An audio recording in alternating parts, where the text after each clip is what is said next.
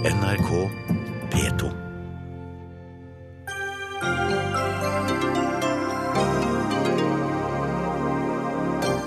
Terroren i Brussel er et vannskille. Det sier forsker Thomas Hegghammer, som mener det er uholdbart hvis det er samme nettverket som har slått til to ganger, uten at belgiske myndigheter har klart å finne dem. Vi er i krig. Europa blir angrepet, sier Frankrikes statsminister i dag etter terrorangrepet i Brussel. Hvordan bør Europa og Norge svare? Spørsmålet går til Erna Solberg.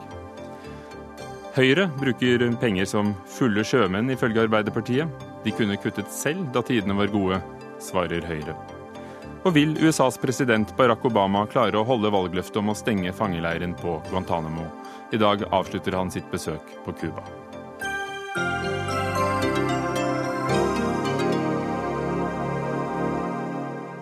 Velkommen til eh, Dagsnytt 18 i NRK2 og NRK P2, i dag med Ugo Fermariello. 34 personer er bekreftet eh, omkommet etter at flere eksplosjoner rystet Belgias hovedstad Brussel i dag tidlig. Ifølge nyhetsbyrået Reuters har terrorgruppen IS påtatt seg ansvaret for angrepene på hovedflyplassen og en T-banestasjon i byen. Hovedstaden er i alarmberedskap, og den belgiske regjeringen har erklært tre dagers landesorg etter terrorangrepene. Reporter eh, Gunhild Årdal, hva er siste nytt fra Brussel? Ja, Som sagt så har da IS eh, tatt på seg angrepene. Eh, de skal ifølge den irakiske etterretningstjenesten ha planlagt et angrep i Europa i lengre tid. Og de hadde flyplasser og togstasjoner som mål. Men Brussel skal i utgangspunktet ikke ha vært en del av planene. Men de skal da endre planene etter at Salah Abdeslam, som er en av de hovedmistenkte for terroren i Paris, ble pågrepet i Brussel på fredag. Og nå Nylig så kom det en melding om at politiet har funnet en tredje bombe på flyplassen som ikke ble detonert. Og Den skal være uskadeliggjort nå. og Så har de frigjort et overvåkningsbilde av, av tre menn med bagasjetraller fra flyplassen, hvor da to angivelig skal være selvmordsbomberne, mens en av dem er på frifot. Hva, hva vet du om det? Ja, En vet ikke så mye annet enn at minst én av de tre på bildet skal være forbundet med angrepet, ifølge belgiske medier. Så det er enda ganske usikkert. Eh, men utenriksministeren i Belgia han har vært ute og advart om at flere gjerningsmann kan være på frifot. Det var jo en, minst én selvmordsbomber som ble funnet død på flyplassen. Hvordan har eh, verden og politiske ledere reagert på angrepene i dag? Stort sett med sjokk og fordømmelse. Eh, de fleste internasjonale ledere har vært ute og kondolert, selvfølgelig. Eh, den franske presidenten Hollande han føler jo seg kanskje litt ekstra nær eh, med tanke på det som skjedde i Paris i høst. Han har uttalt at terroristene slo til i Brussel, men det var Europa som var målet, og hele verden er råka. Og Statsminister i Frankrike, Manuel Valls, han gjentok det han sa i november om at vi nå er i krig, så han bruker ganske sterke ord. Eh, Obama har fra sitt besøk på Cuba sagt at han er klar for å stille med hjelp i kampen mot terroristene. Og Mange land eh, advarer nå sine innbyggere om å reise til Brussel, og flere land har òg økt terrorberedskapen i sine land. Og eh, Generalsekretær Jens Stoltenberg i Nato han har sagt at beredskapen i alliansen òg er høyna. Hva, skjer nå i kveld? Ja, Etter en lang dag der selvfølgelig kollektivtransporten har stått stille, så har de fleste togstasjonene i Brussel åpna igjen nå. Eh, flyplassen eh, der angrepet skjedde, vil selvfølgelig være stengt ut dagen og i morgen. Eh, og de fleste internasjonale fly til Belgia har vært innstilt, og det har generelt vært vanskelig å, å ta seg til Belgia. Innbyggerne har blitt oppfordra til å holde seg inne, men mange har våga seg ut i gatene. Og jeg så tidligere ettermiddag så viste de på belgisk TV bilde av folk som har møttes opp i sentrum og laga en slags spontan minneprotokoll med kritt på gata. Og så er det selvfølgelig en stor prosess med å identifisere ofre. Eh, akkurat nå så er tallet på døde 34, og det skal være over 200 skadde. Mange av dem er veldig kritiske. Eh, noen leger på et sykehus i Liège har sagt at minst ei av bombene på flyplassen skal ha inneholdt spiker, så det er snakk om ganske alvorlige skader. Takk skal du ha, utenriksreporter Gunhild Årdal. Dag Asbjørnsen, du jobber i EU-kommisjonen i Brussel. Satt på perrongen på metrostasjonen Malbek da eksplosjonen rammet i dag tidlig. Hva var det du så og hørte? Nei, Jeg satt som sagt og venta på T-banen til jobben og hørte plutselig et smell. Boff! Og så et lysglimt eh, til venstre for meg. Jeg hadde jo hørt om hva som hadde skjedd på flyplassen, så jeg tenkte med en gang bombe. Og tenkte jeg at jeg måtte komme meg ut, og følte meg uskadd. Så det var masse røyk og masse aske rundt omkring på stasjonen. Men klarte finne, vi klarte å finne en utgang og komme oss ut på gata. Hvordan reagerte eh, folk? Hvordan reagerte du selv? Vi hører jo at du bor i Brussel med, med, små barn og, og en kone. Ja, altså Først så tenker man liksom bare på å komme seg, komme seg, i sikkerhet. og Så var det noen som var i sjokktilstand, og noen som var litt skada. Noen som blødde, og man prøvde å ringe til ambulanse og få tak i hjelp. og det, I begynnelsen så prøvde, prøvde, alle bare å hjelpe hverandre. Og så Etter en stund så tenkte jeg at jeg måtte ringe hjem og si at jeg hadde det bra å komme meg hjem. og sånn. Men Hvordan ser det ut i, i gatene nå? Hva, hva er situasjonen? Nei, Det er veldig rart, for er, jeg bor midt i EU-distriktet. og Her er det vanligvis masse folk og masse trafikk og masse aktivitet, og nå er det helt stille. Så det er fremdeles eh, avstengt her og veldig, eh, veldig, veldig rolig, liksom.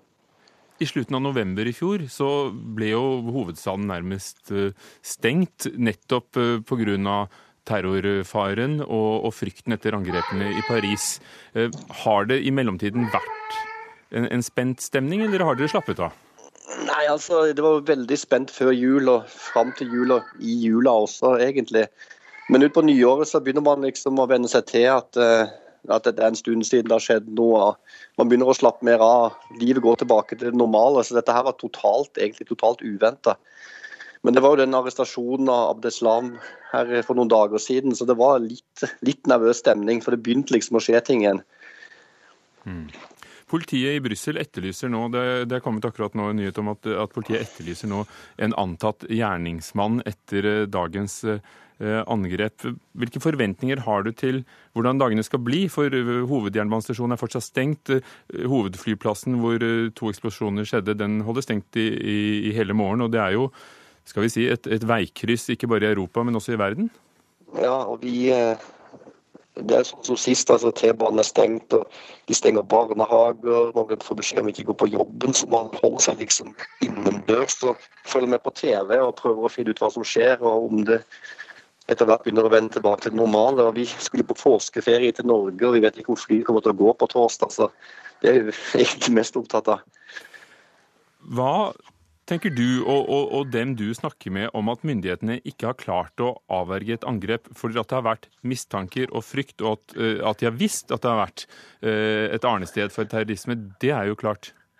Ja, altså han eh, Abdeslam har jo klart å skjule seg hos fetteren sin i fire måneder i området der han vokste opp, så man har ikke nødvendigvis helt stor tillit til at belgisk politi har oversikt over disse nettverkene. så Eh, man er ikke redd, men man føler som ikke at, de, at det er egentlig trygt. Eh, fordi at eh, det er veldig mange nettverk man hører om, og man hører om at de går til arrestasjoner, men så blir de sluppet fri igjen. og Så finner man ingen bomber og man finner ingen våpen. Så det er en litt sånn usikker stemning her.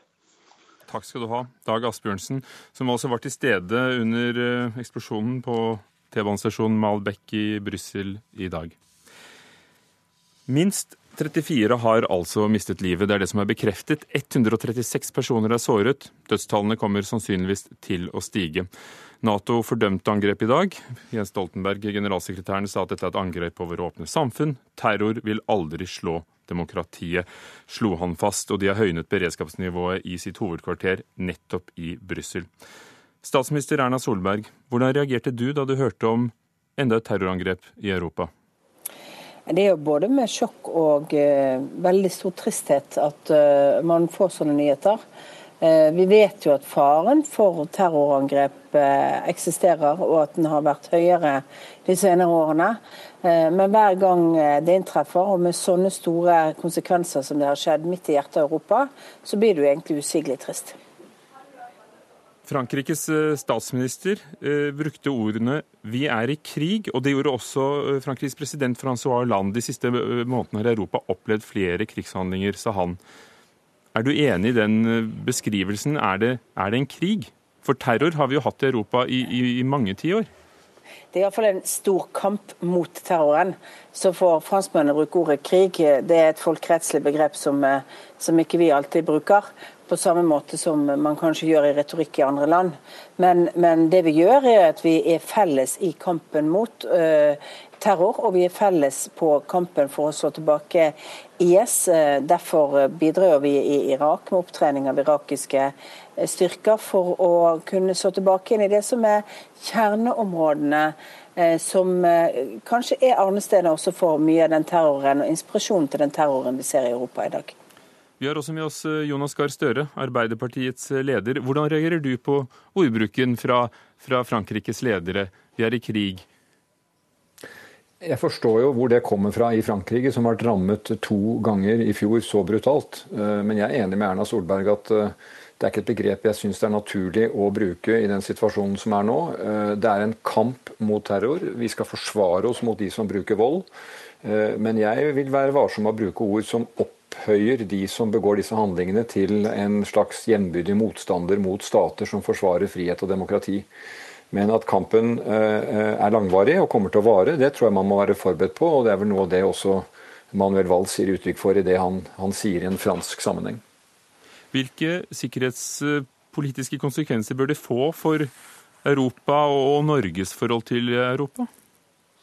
Støre først. Dette er jo da en, en, en dramatisk eh, hendelse som uh, føyer seg inn i det vi har sett. Uh, det ble nevnt 2005 i London, og så har det kommet opp gjennom uh, årene. Så jeg tror vi må belage oss på at dette er noe som ingen er beskyttet fra, men som vi må beskytte oss mot. Og Det er et ansvar vi har, norske myndigheter, sikkerhetsmyndigheter, og i nært samarbeid med allierte, ikke bare i Europa, men også utenfor Europa. Dette er også et globalt fenomen. Og den sikkerhetspolitiske situasjonen i Europa mener jeg bare understreker det at vi har et solidarisk fellesskap med land som har samfunn som våre, som har åpenhet, frihet. Du skal kunne reise på jobb, reise med fly. Eh, og vi skal forsvare oss eh, både med politi og militære midler når det trengs, men vi må også slå ring rundt de verdiene som gjør at vi er frie og åpne samfunn. Og Det er en del av sikkerhetspolitikken i, i vårt århundre som jeg tror kommer til å kreve en, en, en, ny type mobilisering rundt verdier. Og, og, det er uh, viktig for ikke bare Europa, men også en større verden. Erna Solberg, ny type mobilisering omkring verdier, men også kanskje strengere kontroll av, av passasjerer, strengere kontroll av grenser? Vel, jeg er enig i at uh, Den viktigste kampen vi fører, det er den som bidrar til at man ikke lar seg rekruttere til ekstremisme i våre land. Eh, Norge har også vært rammet av terror, hjemmeavlet eh, pga. Eh, ekstreme voldelige eh, inspirasjon. Det, det, er viktig at vi, at vi, slåss om det. Men så må vi også jobbe på eh, det sporet regjeringen syns har vært veldig viktig de siste årene, nemlig på etterretning, på informasjonsutveksling, på politimetoder, på alle de tingene som bidrar til at vi utveksler kunnskap og erfaring med naboland, med andre land som har vært rammet eh, av terror. Og det er viktig å huske at I årene etter eh, London- og Madrid-bombene, så var det veldig mange eh, ulike aksjoner som ble stoppet ulike terrorhandlinger som ble stoppet nettopp pga. at man da hadde god internasjonal utveksling av informasjon, eh, god etterretning. Eh, så har man fått helt nye aktører knyttet til eh, IS og inn på banen, og, som nå står for hoveddelen av terrorvirksomheten. Det betyr at vi må intensivere arbeidet med å kunne mer om det, vite mer om det, ha kjennskap til aktørene og selvfølgelig passe på at vi ikke får sånne lommer som vi har hatt både i Belgia og Frankrike, av områder hvor man egentlig egentlig lever helt utenfor det vanlige samfunnet og ikke har særlig god kontroll eller innsyn.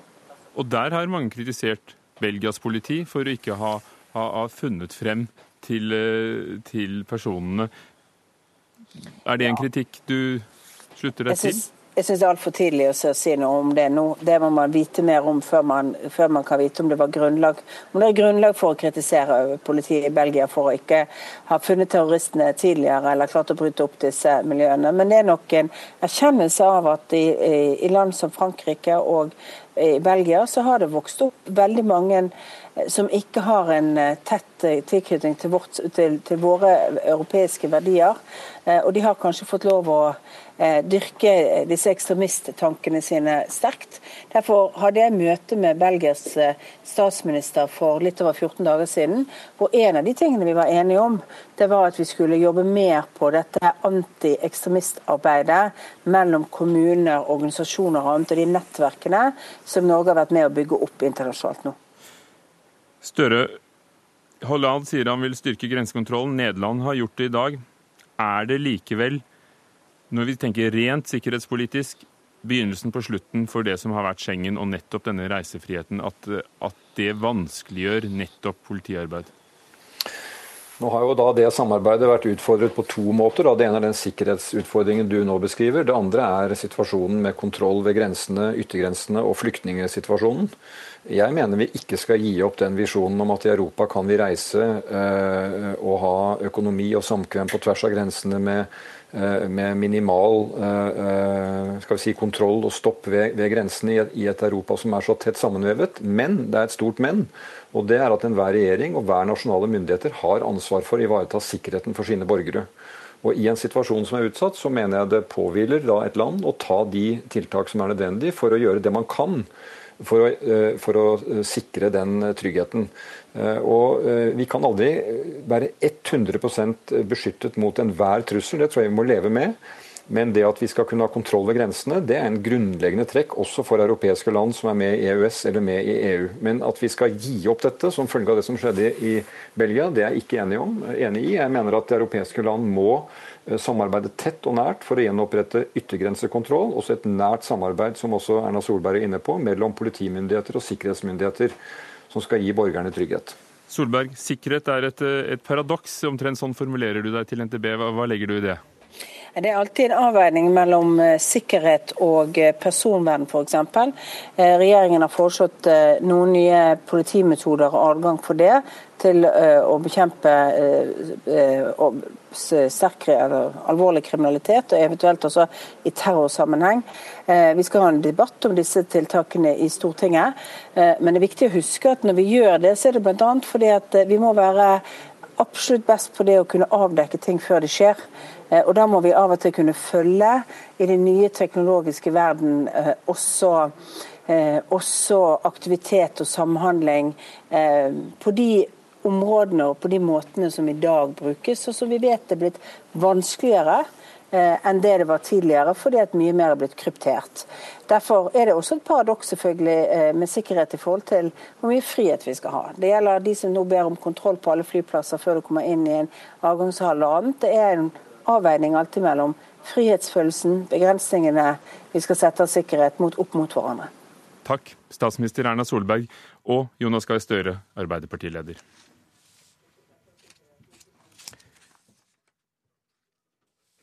Vi står overfor en eh, global trussel som krever et globalt svar. Krigen mot terrorisme må utkjempes i hele Europa, sa altså Francois Hollande, Frankrikes eh, president, på en pressekonferanse i dag. Terrorforsker Anders Romarheim, eh, Europa er nok en gang rammet av terror. Hvordan vil du karakterisere angrepet? Eh, det er jo dypt tragisk, og eh, vi må jo erkjenne at vi står midt oppi en terrorkampanje. Og terrorkampanjer er jo designa nettopp for å spre frykt for det neste angrepet. Så da bruker man de angrepene man har gjennomført, til å, til å spre frykt for kommende angrep. og det er en veldig ubehagelig situasjon å befinne seg i. Og jeg, jeg, tror vi nå har en terrortrussel på det europeiske kontinent som er, ikke har vært større siden eh, rett etter Irak-krigen, da London- og Madrid-bombene kom. Og muligens er den enda mer ekstrem denne gangen. Så det er jo en veldig foruroligende situasjon, og eh, dypt tragiske bilder som kommer eh, i dag. Thomas Hegghammer, forsker ved Forsvarets forskningsinstitutt, FFI. Du har kalt det et vannskille. På hvilken måte? Jo, vannskillet på den måten at um, vi hadde en situasjon rett før angrepet hvor belgiske myndigheter allerede var på alerten. De, de, hadde, de var midt oppe i en langvarig etterforskning av nettverket som utførte Paris-angrepene. Og de hadde nylig arrestert en av de som deltok i det angrepet. Så de var på en måte maksa ut på etterforskningssida. Uh, og likevel så fikk man da det her angrepet. Nå vet vi ikke med sikkerhet om det er samme nettverk. Eh, Hva tror du? Er det de samme? Altså, jeg tror at de som har, gjort, de som har utført russerangrepet, de må kjenne til Belgia. De må, de må, være lokalkjent for å gjøre noe sånt. Og da tenker jeg at det er nærliggende at det er noen koblinger. Vi vet også at det er en fra det her Paris-nettverket som er på frifot. Så um, og, og, hvis det skulle vise seg at det her er samme nettverk, at det er han her karen som er på frifot som har vært involvert i, i Brussel, ja, da er det egentlig første gangen i nyere europeisk historie at, vi, at ett og samme angrepsnettverk har fått lov til å slå til to ganger. Eh, og det, Derfor jeg kaller det et vannskille. Fordi eh, det sier noe om eh, styrkeforholdet mellom terrorister og, og stater. Eh, frem til nå så har stater som regel hatt overtaket. Hver gang vi har funnet et eh, angrepsnettverk så har man tatt det ut med rota, og så har det gått lenge til neste gang. Og det får vi kanskje ikke alltid vite om når det skjer? Eh, ja, jo, Som regel får man det. Det blir rapportert i, i, i pressen og sånn. Men, men eh, det som er, eh, kanskje har skjedd her, er jo det at eh, man har prøvd å ta opp nettverket med rota, så man har ikke klart det. Det er det som er nytt. Romarheim, hvorfor, hvorfor har de ikke klart å gjøre det når, når de visste så mye? Det er eh, flere grunner til det, og eh, ingen av oss har eh, noen fasit på det så kort tid etter. Det som er å si, er at nettverkene er blitt veldig store. Belgia har veldig mange fremmedkrigere, flest per capita i, i Europa som har reist til Syria. Frankrike har vel flest i absolutte tall, hvis ikke jeg husker feil. Sånn at nettverkene er blitt såpass store, og du har så mange med kamperfaring, at det blir veldig mange for sikkerhetstjenestene å følge nøye. Og jeg tror mange ikke er klar over altså Vi snakker mye om overvåkning i, i vår tid og eh, leser noen mailen vår osv. Og, så videre, og det er eh, personvernhensyn der som er veldig vesentlige. Men man må ikke glemme hvor voldsomt eh, ressurskrevende det er å faktisk overvåke hva noen gjør døgnet rundt av de mest utsatte personene. Så man har jo ikke kapasitetene til å følge alle de man trenger og ønsker å følge, rett og slett. Og hvis man så, så på Paris-angrepet, så var det jo en person som var på radaren, men det er flere hundre som er på radaren, og kanskje opp noen tusen også som man eh, lurer litt på. Og da, da er det ikke ressursene til å, til å henge med i noen tilfeller. Journalist og forfatter Øyvind Strømmen er, er, også med oss. Du har skrevet bøker om ekstremisme, men da høyreekstremisme i Europa først og fremst. Du har også bodd i Belgia i, i, i lang tid. Hva er det ved Brussel som gjør at det er blitt et, Eh, et arnested? Jeg er litt skeptisk til å bruke egentlig uttrykket arnested, eh, og, og, vil jo for så vidt minne, minne, om at eh, når det gjelder ekstrem islamisme som problem i Belgia, så er ikke det et problem som bare gjelder Brussel eller som bare gjelder Molenbeek. Det har vært masse fokus på denne bydelen Molenbeek fra, fra media internasjonalt, men, men, går man inn og ser på det ekstremislamistiske miljøet i Belgia, så vil man finne at de har rekruttert fra mange ulike deler av landet. og fra eh, både små steder, fra forsteder rundt Brussel som vil få det. Det er folk fra Antwerpen, det er folk fra eh, Vervir i Øst-Landet, i det franskspråklige området osv. Eh, samtidig så er det klart Målenbeek, som er det området som har fått mye fokus, er jo et område som er preget av Det er en god del arbeidsledighet, det er mye sosial elendighet der. Eh, folk bor tett. Eh, det er en god del kriminalitet, eh, og det er et veldig innvandrertett område. Og, og, og, det, og ligger midt i byen. Og det ligger ikke mange metrostopp fra sentrum i, i Brussel. Det, det, er for så vidt et ganske trivelig område å, å bevege seg inn i, iallfall den sentrale delen av Målenberg rundt, rundt torget.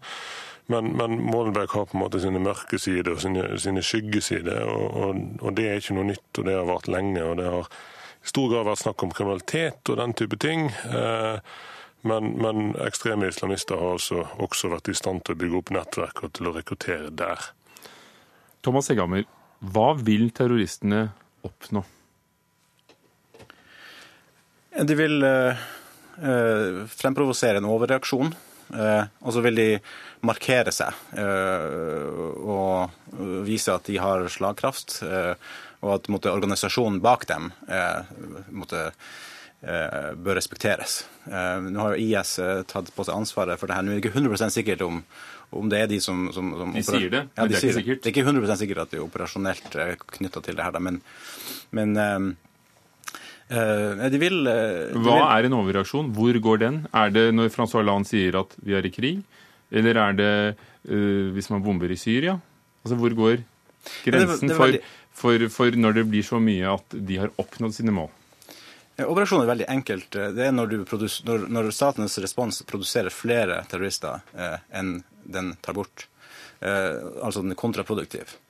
Eh, og eh, nå kan jo alltid diskuteres hva det er som, det er, som er kontraproduktivt, hvor, hva er for mye. fordi at ofte så vil man ikke se effekten av tiltak før mange år senere, kanskje. Eh, men jeg tror generelt at vi må belage oss på strengere antiterrortiltak i Sentral-Europa.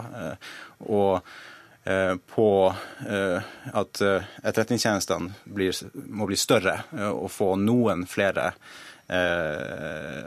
kanskje rettigheter, eller ikke rettigheter, men sånne hva det heter Myndighet, Myndigheter. Men hva, hva, hvor langt skal det gå, syns du? Hva, hva, eller hva tror du vil skje? Hvor vide myndigheter vil de få? Det kommer litt an på, på landet, eh, hva man allerede har. Eh, og så kommer det an på hvilken trussel man har. Finnes, jeg tror ikke at man kan få noe sånn det er ikke hensiktsmessig med, med liksom helt like eh, regimer overalt, fordi trusselen er forskjellig i ulike, ulike, land. Vi trenger ikke her i Norge akkurat de samme eh, mottiltakene og kanskje lovene som man trenger i land som England og Frankrike og, og, og, og Belgia, som har mye større trusler. Og det Romerheim, er vel dilemmaet når man svarer på terror, eh, at det kan være eh, bidra til å løse problemet, men det kan også forårsake. Ja, er, jeg er helt enig i det at eh, en god del kontraterror er simpelthen kontraproduktiv. At den ikke lykkes. Og, det, det, skal vi huske, det, det å bekjempe terrorisme er en svært vrien sak. Fordi du kan lage nye dersom du slår ned for hardt. Eh, på, på, terrorisme. Men vi har jo sett at Frankrike velger en ganske eh, hardhendt linje. Eh, etterretningstjenestenes fullmakter er jo utvides, og, og det, det, kan man se seg nødt til når man opplever den typen angrep. Samtidig så er det veldig vesentlig at det er helt naturlig at disse debattene om hvor mye staten skal kunne foreta seg for å prøve å avverge terrorisme, kommer etter store angrep. Men eh, det er egentlig ikke den ideelle eh, eh, tiden å avgjøre den typen spørsmål. Det er lettere å sondere mellom behovet for liberale friheter og samfunnets behov for sikkerhet når man ikke står midt oppe i kruttrøyken og eh, mennesker er drept i titall og, og opp mot 100-200 skadde i, i, Belgia. Da blir det en veldig spesiell stemning i samfunnet, og, og det kan bli mer aksept for uh, tøffe mottiltak enn man ville fått hvis man Eh, avveide det rolig. Så jeg er litt, alltid litt skeptisk hvis man kommer med strakstiltak rett etter terrorangrep det, det, fra myndighetenes side. Man skal ta et skritt eh, tilbake før man faktisk lager eh, nye lover og utvider hjemlene.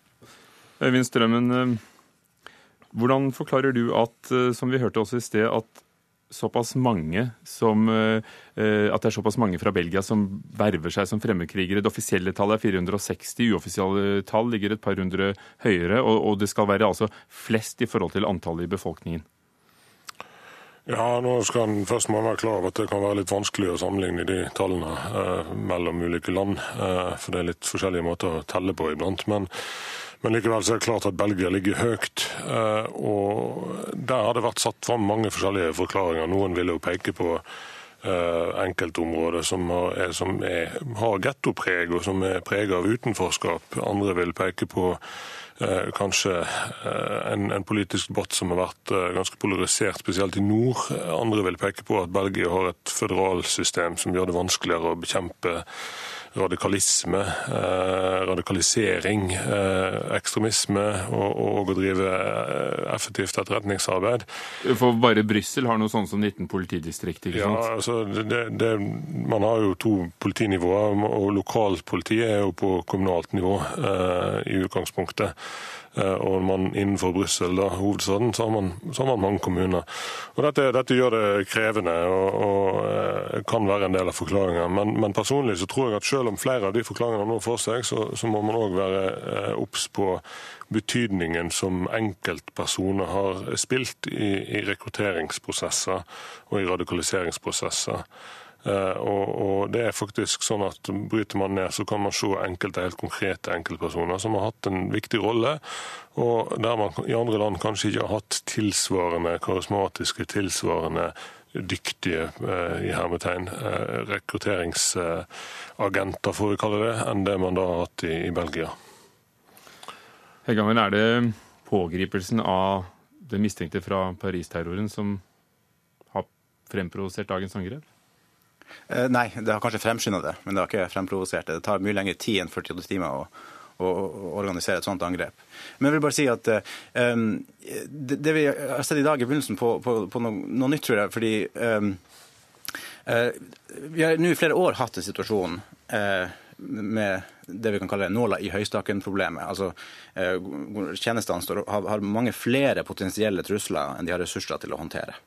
Nå så har vi, Det siste halve året så har vi kanskje sett et nytt problem, altså en slags svikt i en av de mest grunnleggende funksjonene eh, til etterretningstjenester, som er å finne ettersøkte personer. Altså, eh, man har personer man vet om, man vil ha tak i dem, men så finner man dem ikke på eget territorium eller på europeisk territorium. Eh, det, det er relativt eh, nytt, og, og, og, det er en situasjon som jeg tror ikke Europa kan, kan leve med. og Derfor tror jeg vi vil se eh, en god del tiltak i, i månedene fremover. F.eks. låsesmeder i, i, Belgia går en går, gode uke i møte, fordi her vil det bli sparka inn en god del dører. Men, men, da Belgia stengte ned hovedstaden praktisk talt i flere døgn i slutten av november i fjor, noen uker etter Paris-angrepene, var det, var det dette det angrepet de, de hadde nyss om? Det er vanskelig å si. det. Det, den informasjonen er nok ikke tilgjengelig for oss uh, til å kunne gi noe autoritativt svar på det. Og det angrepet vi ser i dag òg, uh, eh, man uh, går fra to til tre bomber. Det er veldig ofte under denne typen terrorangrep at de tidlige rapportene det er mye rett i dem, men de er aldri helt riktige heller. Sånn at det er eh, alltid viktig å ta noen forbehold når det er så tett opp til selve angrepet. Etter 13.11-angrepene eh, i Paris, på konsertstedet Bataclan, på, på Stade France, så reagerte Frankrike med unntakstilstand og, og deretter med bombing av, av, mål i Syria. Hvordan tror du, Øyvind Strømmen, eh, Belgias statsminister vil reagere på dagens angrep? Nei, um, Belgia har jo allerede satt inn en ganske heftig arbeid uh, i løpet av de siste par årene for, for å drive klappjakt på et ekstremislamistisk miljø som han har sett på som en, som en fare. Det starta for så vidt allerede i fjor i januar i Vervir. Belgia er, kommer nok òg til å uttrykke på en måte tilsvarende ideer og handlinger eh, som, som, det som har kommet fra Frankrike. Det ville overraske meg om det blir noe særlig mildere. Men, men eh, eh samtidig så er på en måte Belgia er allerede en del av, av dette. Så det er ikke så mye nytt som kan skje. Eh, så jeg er mer spent på hvordan den, den bredere politiske debatten etter hvert vil, vil utvikle seg i Belgia om man, eh, og hvordan dette vil påvirkes eh, av, av de hendelsene eh, etter at ja, de stille dagene som, som, vil komme både i, i sorg og pga. påske, nå er over. For vil de gjøre noe med strukturen på hvordan samfunnet er bygd opp, som kan, kan lette dette politiarbeidet? Nettopp dette at det er en føderalstat med, med mange små enheter, både blant kommuner og politiet? Ja, I den grad eh, man, man, mener at det er det som er hovedutfordringa, så, så, er jeg vel ikke så veldig optimistisk. Fordi at den belgiske føderalstaten er et resultat av ganske mange kompromiss eh, opp gjennom i, i nyere belgisk historie. Eh, og det har resultert i delvis det glade kaos og delvis mer fungerende modeller. Politiet har faktisk gått gjennom en restrukturering for en del år tilbake etter en, en stor eh, pedofiliskandale. Uh, som, som, gjorde at man, man, gikk bort fra å ha tre ledd til å ha to ledd. Nå har man et føderalt politi, og de har faktisk fått eh, en god ros også for, for, den innsatsen som har vært gjort de siste månedene eh, i forhold til antiterrorarbeid. Thomas Egammer, er det grunn til å frykte flere terrorangrep? Ja, absolutt. Det, i, Vi har satt trusselnivået på høyeste. Ja, tenker du i, i Belgia? I Belgia. Oh, ja, nei, det er vanskelig å si. Det, det, det er umulig å si. Men uh, i årene fremover så vil Europa uh, se flere angrep. Det er jeg ganske sikker på. Ja, det, vi er inne i en terrorkampanje, og det kan hende dette her blir veiskille. Men eh, jeg syns ikke Paris-terroren var noen liten sak heller. Det her er en ne veldig negativ utvikling, og vi må bare håpe at fortsettelsen ikke blir veldig mye verre. Takk skal dere ha. Anders Romerheim, terrorforsker. Thomas Hegghammer, forsker ved Forsvarets forskningsinstitutt. Og journalist Øyvind Strømmen.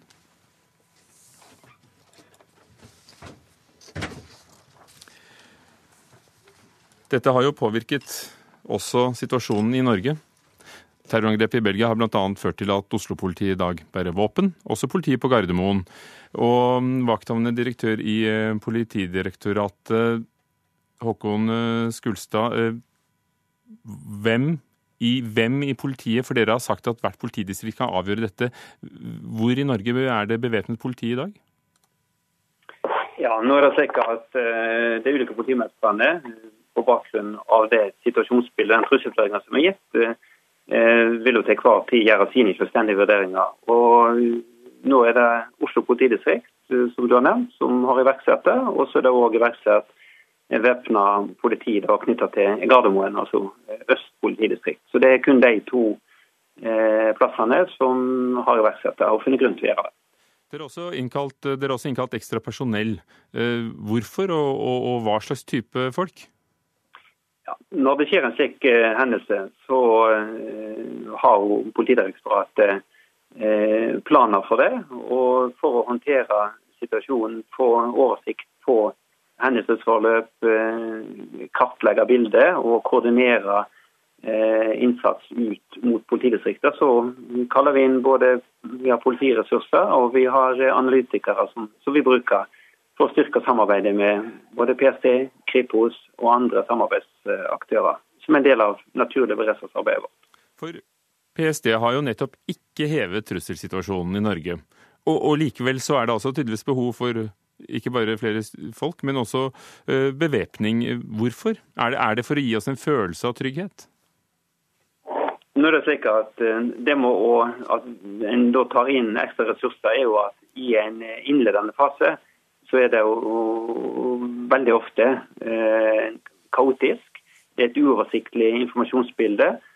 Samtidig så er det veldig viktig å få en raskest mulig oversikt for å vurdere om eh, det er nødvendig å iverksette noen spesielle tiltak. Og Når det gjelder de vurderingene som da, i dette tilfellet nå alle politimestrene har gjort, men eh, da Oslo og, og i øst, så vil jo det med utgangspunkt i den særegne situasjonen for en hovedstadspoliti og det med å ha hovedflyplassen, kunne være et forebyggende tiltak. Både for å være bevæpna for å kunne avverge en situasjon som oppstår, eller håndtere en, eh, håndtere en situasjon og på den måten være eh, skadeforebyggende eller skadereduserende.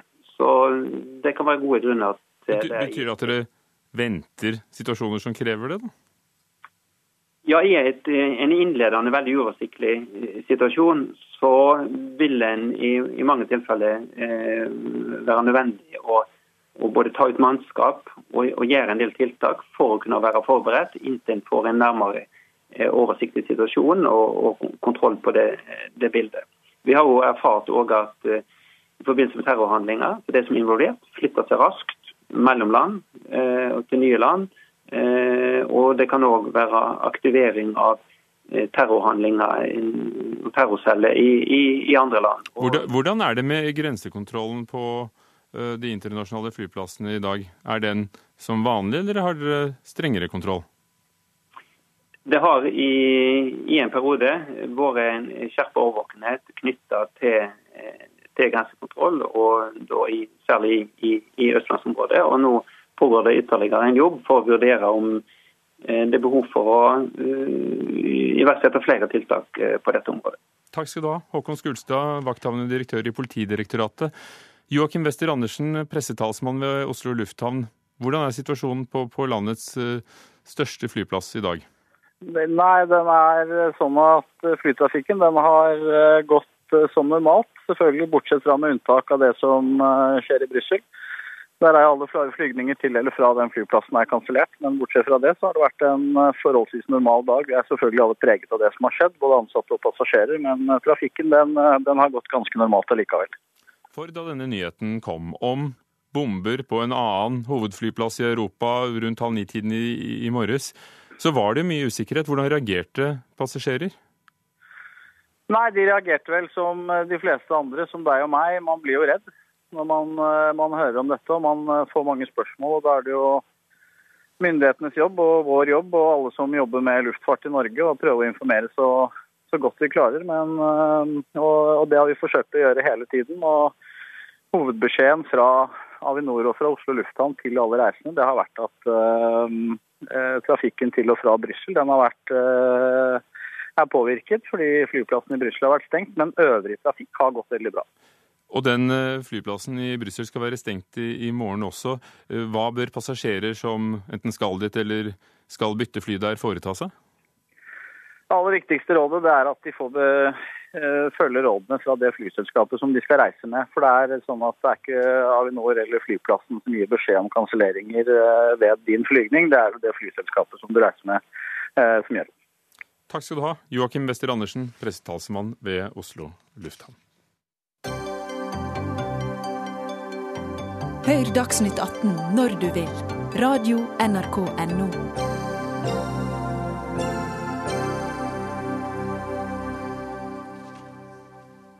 Og med det har vi forlatt her i Dagsnytt 18 eh, terrorangrepet i Belgia i dag for å snakke om eh, statsfinansene. Arbeiderpartiet kritiserer Høyre i regjering for å bruke penger som fulle sjømenn. Det var uttrykket som ble brukt i eh, Dagens Næringsliv i dag tidlig. Den offentlige pengebruken mener de er ute av kontroll. Regjeringen bruker penger fra oljefondet, antallet byråkrater øker, og veksten i offentlig forbruk er klart høyere enn veksten i privat sektor og veksten i bruttonasjonalprodukt, BNP. Og det er altså stikk i strid med hva Høyre gikk til valg på. Eh, Truls Wickholm eh, sitter i Stortingets finanskomité for Arbeiderpartiet. Hvorfor er dette et eh, problem, for dere går vel ikke inn for noe lavere offentlig forbruk? Altså, det er et stort problem at det er et misforhold mellom inntekter og utgifter. Det tror jeg alle som har forvalta sin egen eh, private økonomi, kan eh, kan skjønne at eh, hvis du bruker mer penger enn du tjener, og du regelmessig eh, finansierer forbruket ditt med å gå til banken, så vil du over tid eh, få problemer. Og det er det Høyre i regjeringen gjør nå. De har ved hver eneste korsvei de har hatt mulighet til det, så har de brukt mer penger fra oljefondet. Og de har nå økt bruken av oljepenger like mye på tre år som de ti foregående årene, altså Stoltenberg-årene. Så det, dette er et uh, problem, og det kommer til å straffe seg på langt sikt. Uh, og både sentralbanksjefen og lederen for uh, regjeringens eget ekspertutvalg har sagt at det er ikke bærekraftig å bruke penger på denne måten. Svein Flåtten, finanspolitisk talsmann i Høyre. Har dere knust sparegrisen? Nei, det har vi ikke. Når man skal eh, kritisere andres eh, budsjett, så bør man også skjele litt til sine egne budsjett, nemlig det alternative budsjettet som eh, Arbeiderpartiet la fram i fjor høst i Stortinget. Der tenker de å beskatte folk med 10 milliarder mer i 2016. I tillegg så bruker de 5 milliarder kroner i harrypenger, som vi kaller det på fagspråket. Og hva er det? Det er penger som ikke man får inn i løpet av året, men som man på papiret tror at man får inn. Sånn at for Arbeiderpartiets budsjett så ville de ville også måttet ta ut, altså ta et uttak fra oljefondet. fordi at grunnen til at oljefondet ikke vokser, det er jo kort og godt at oljeprisene har stupt, og det kan selv ikke det norske Arbeiderpartiet gjøre noen verdens ting med. Bare i løpet av januar måned eh, så har det da vært et uttak på en del milliarder, 6-7 milliarder kroner, men Arbeiderpartiets budsjettering ville da medført at også de ville måttet ta ut penger etter hvert. Det ville kanskje gått en måned, men i løpet av et år med samme utviklingen så ville vi kanskje kommet opp i 50-60 milliarder. Da må Truls Wickholm skrive ut ganske store skatteregninger til folk flest. For det er oljeprisene som gjør dette. Og det Truls Wickholm, er vel ikke Høyre og, og Fremskrittspartiets skyld at oljeprisene går ned. Og, og, og dere ville altså bare hatt skatter som var rakt i en måned, ifølge eget budsjett. altså, det er jo relativt friskt da, eh, fra Svein Flåtten og, og Høyre. og Altså, det som i hvert fall er riktig, er at du har de partiene som sitter i regjering. De har ved to budsjetter nå så har de saldert budsjettene sine med såkalte harrypenger, som Flåtten beskylder oss for. Problemet med når Flåtten og Frp gjør det, er jo bare at de igjen må gå til eh, oljefondet. Folk skjønner sikkert hva jeg mener. Det er selvfølgelig poseavgiften og flyplassavgiften som jo regjeringen sa de skulle innført det, aldri aldri innførte, men selvfølgelig altså skapte problemer fordi de trengte å dekke inn de, eh, de inntektene. Eh, og da syns jeg det er jo det er relativt friskt, da, når det er bare noen dager siden regjeringen måtte innrømme at det blir ikke noen flyplassavgift allikevel, at de beskylder oss for å gjøre dette. Og da sitter du til den flypassasjeravgiften som har foreslått det. Er jo at, er jo at altså, ja. Problemet her er jo at skattelettene som ja, men Flåtten, du ga ganske kraftige beskyldninger til Arbeiderpartiet. Siden dag én så har denne regjeringen, Høyre, gått i sparegrisen for å hente penger. Og det man har gjort med de pengene, er at man har gitt de til de som har absolutt mest her i landet. Og, og der, skal jeg stoppe deg litt, der skal jeg stoppe deg litt, Truls Wickholm, for det er nemlig sånn at vi har litt forsinkelse på denne linjen, så den vanlige avbrytelsesteknikken må vi, må vi, vi må bare overkjøre dere. Eh, Svein Flåtten. Eh, jeg... Kan du svare på kritikken her? Ja, Dere kom med jeg... avgifter for å dekke opp og Det kan jeg gjøre, fordi at uh, Wickholm vil jo ikke snakke om sitt eget budsjett. Han vil snakke om enkeltposter i vårt budsjett. Men, og det er helt riktig at den offentlige utgiftsveksten nå øker. For vi har ikke noen normalsituasjon. Vi har en veldig vanskelig situasjon i norsk økonomi. Og det verste man kunne gjøre nå, det ville være å strupe plutselig de offentlige utgifter. Det ville være et isbad for økonomien. Og det som skulle vært gjort, det var i de åtte årene som Arbeiderpartiet styrte, hvor vi hadde historisk høye oljepriser etter 2009. Da skulle man gått inn i reformer. Da kunne man kanskje redusert de offentlige utgifter. Arbeiderpartiet var ikke i nærheten av å gjøre det. Og så må jeg legge til vi har store reduksjoner på eh, vår avbyråkratiserings- og effektiviseringsreform. Faktisk i 2016 så mye som 1,6 milliarder kroner. Så enkeltposter i budsjettet er uinteressant når ikke Wickholm vil snakke om sitt eget budsjett, som er egentlig et fake budsjett på mange måter. For er det ikke sånn da, Truls Wickholm, at også dere ville måttet eh, bruke flere penger enn dere fikk inn? Altså, Vi har laget et budsjett som går opp, og det budsjettet går opp fordi vi sier at de som har mest i Norge, de må bidra litt mer. Høyre sier at de som har mest i Norge, de trenger ikke å bidra så mye, eh, fordi de har en sånn eh, tro på at eh, det å gi skatterettelse til, til, de aller rikeste skal, skal dryppe ned på alle og enhver, og det skal skape arbeidsplasser i Norge.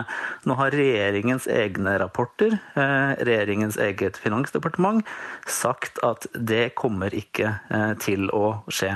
Derfor er det en pengebruk som ikke gir noe igjen for landet, annet enn til de som får disse store skattekuttene. Vi har et budsjett som eh, går opp, det har jeg ingen problem med å snakke om. Men det er altså Flåtten som ikke vil snakke om det som er problemet her, nemlig at eh, de bruker mer penger eh, enn de tjener. Og hvis det er sånn, Jeg har ikke noe problem med å si til Flåtten at jeg syns ikke det er noe lurt å strupe offentlige budsjetter i nedgangstider. Det er helt greit. Men da syns jeg Flåtten også skulle innrømme at det er ikke sånn at en riktig medisin nå er å gi milliarder i skattekutt til de som har mest. De må også være med å bidra i en vanskelig situasjon for landet. Men Svaret Da eh, avbryter jeg på samme uverdige måte som i sted, Truls Wickholm, for at dette skal fungere. Eh, disse skattelettene de gir, det er ikke på nær nok, sa Flåtten her i sted, til å dekke opp for det dere brukte mer av. Kan du svare på hvordan dere vil dekke inn det? Var det å øke skattene tilsvarende det? Bare gi meg et kort svar på det, er du snill. Altså, vårt budsjett går opp. Det er Flåtten sin påstand at vårt budsjett ikke eh, går opp. Vi har et budsjett som vi har eh, lagt fram og som vi har debattert med Høyre i, i Stortinget. Det budsjettet går opp med inntekter og med utgifter. Det som er avdekket her i Dagens Næringsliv og i Klassekampen i dag, er jo at Høyre, for å få sine budsjetter til å gå opp gjentatte ganger, har måttet gå til oljefondet. Eh, og det er et problem også for Høyre nå at de klarer ikke å holde utgiftsveksten i offentlig sektor lavere enn den generelle økonomiske veksten. Og det, det Svein Flåtten, nå må vi få, la Flåtten få svare på det, fordi nå er vår tid snart ute når det gjelder denne saken. Men eh, det strider vel litt imot eh, Høyres eh, mål og løfter eh, å øke mer enn BNP og privat vekst? Ja, det gjør det. Men det strider ikke mot den situasjonen vi har i norsk økonomi i øyeblikket. Der er den blandingen vi har av dels skattelettelser, dels noe økning i offentlig forbruk, samtidig som vi gjennomfører reformer, det er en riktig medisin på sikt. Vi skal være klar over at vi er i en mye lengre og kraftigere nedgang enn vi var i under finanskrisen. og Derfor er det riktig politikk akkurat nå. Hva man har sagt tidligere om at de makroøkonomiske tallene skal ligge der og der, det skjønner jeg ikke at Arbeiderpartiet er så veldig interessert i. At ikke de er mer interessert i hvordan slår dette ut for enkeltmennesker som mister jobben. Da ønsker Arbeiderpartiet å bruke mer penger når man snakker om enkelttilfeller, men når det er snakk om makroøkonomien, så skal man bruke mindre. Arbeiderpartiet må bestemme seg. Mener du at det virker å gi mer skattelette? Ja, selvsagt så virker også det for å stimulere til nye investeringer og skape nye arbeidsplasser. Takk skal dere ha. Det skjønner vi at du ikke mener, Truls Wickholm, men det får du ikke lov til å si nå, for vår tid er ute. Du sitter altså i Stortingets finanskomité for Arbeiderpartiet. Og takk, Svein Flåtten, her til slutt finanspolitisk talsmann i Høyre.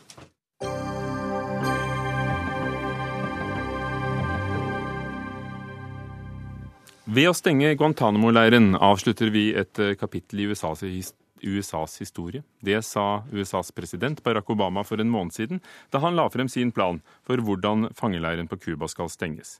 Obama er for tiden på sitt eh, nå viden kjente historiske besøk på øya, og holdt pressekonferanse sammen med Cubas president Raúl Castro i går kveld.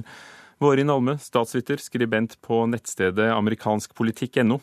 Guantánamo-bukten er eh, okkupert av USA. Eh, kom det frem eh, noe på pressekonferansen som tilsier at de vil stenge leiren?